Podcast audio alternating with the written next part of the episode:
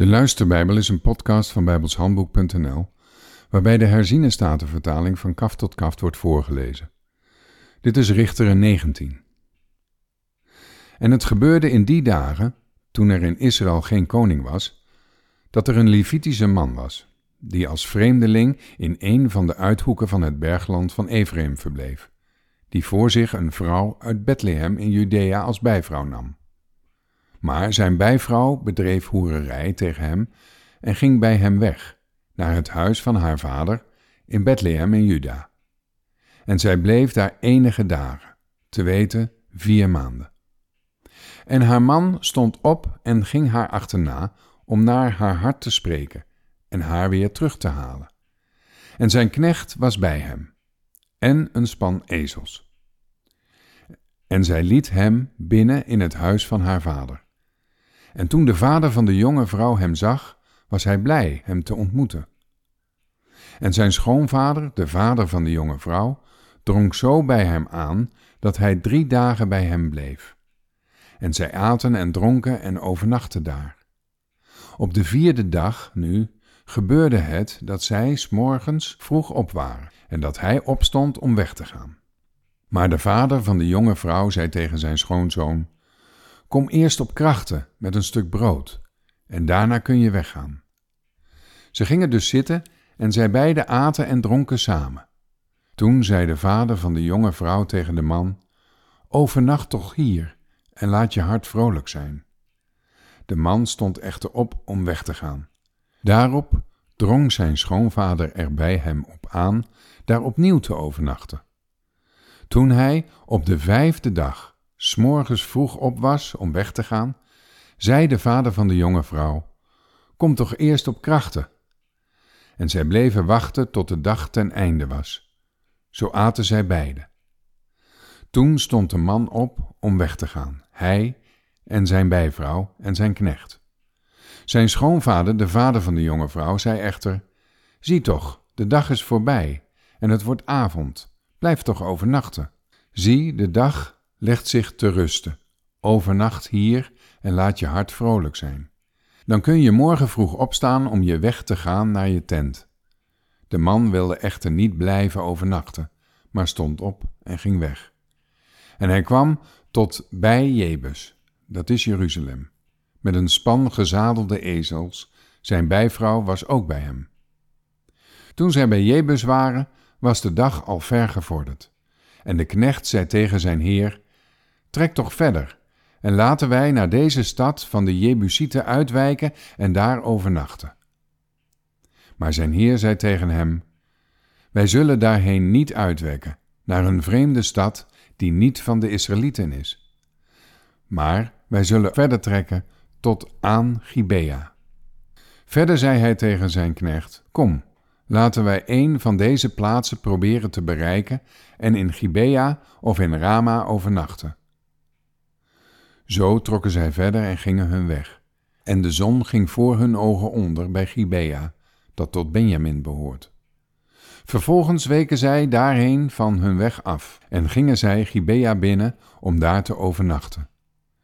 Toen hij naar binnen was gegaan, ging hij op een plein in de stad zitten, want er was niemand die hen in huis nam om te overnachten. En zie, een oude man kwam s'avonds terug van zijn werk van het veld. Die man kwam ook uit het bergland van Ephraim, maar verbleef als vreemdeling in Gibea. De mannen van deze plaats waren echter Benjaminieten.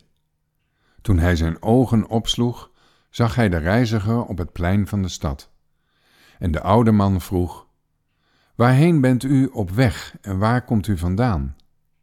Daarop zei hij tegen hem: Wij zijn op doorreis van Bethlehem in Juda naar de uithoeken van het bergland van Ephraim waar ik vandaan kom.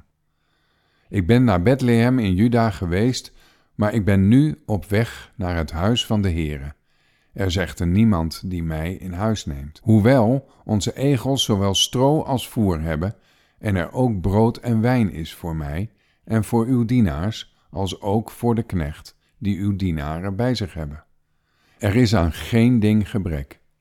Toen zei de oude man: Vrede zij u. Alles wat u ook maar ontbreekt, is bij mij.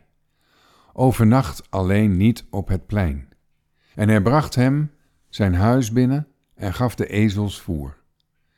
En nadat zij hun voeten gewassen hadden, aten en dronken zij.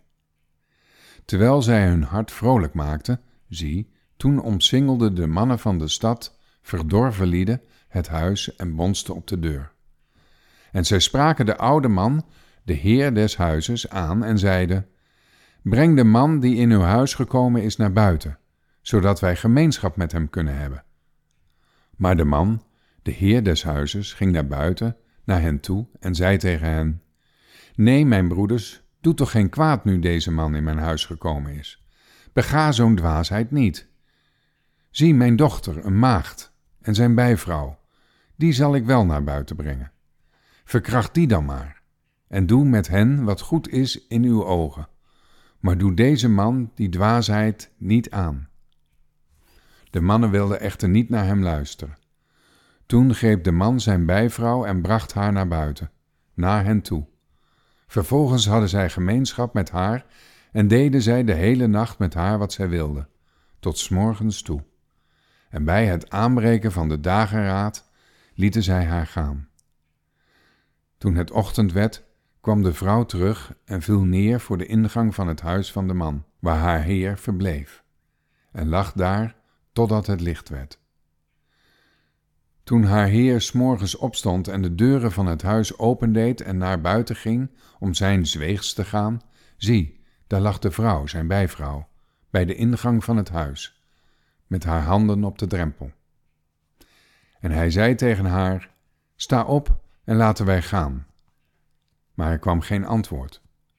Toen legde hij haar op de ezel, en de man stond op en ging naar zijn woonplaats.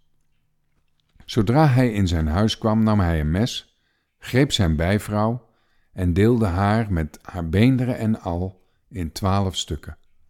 Vervolgens stuurde hij die naar elk gebied van Israël. En het gebeurde dat iedereen die het zag, zei: Zoiets is niet gebeurd of gezien. Vanaf de dag dat de Israëlieten uit het land Egypte zijn weggetrokken tot op deze dag. Neem het ter harte, beraadslaag en spreek. Tot zover.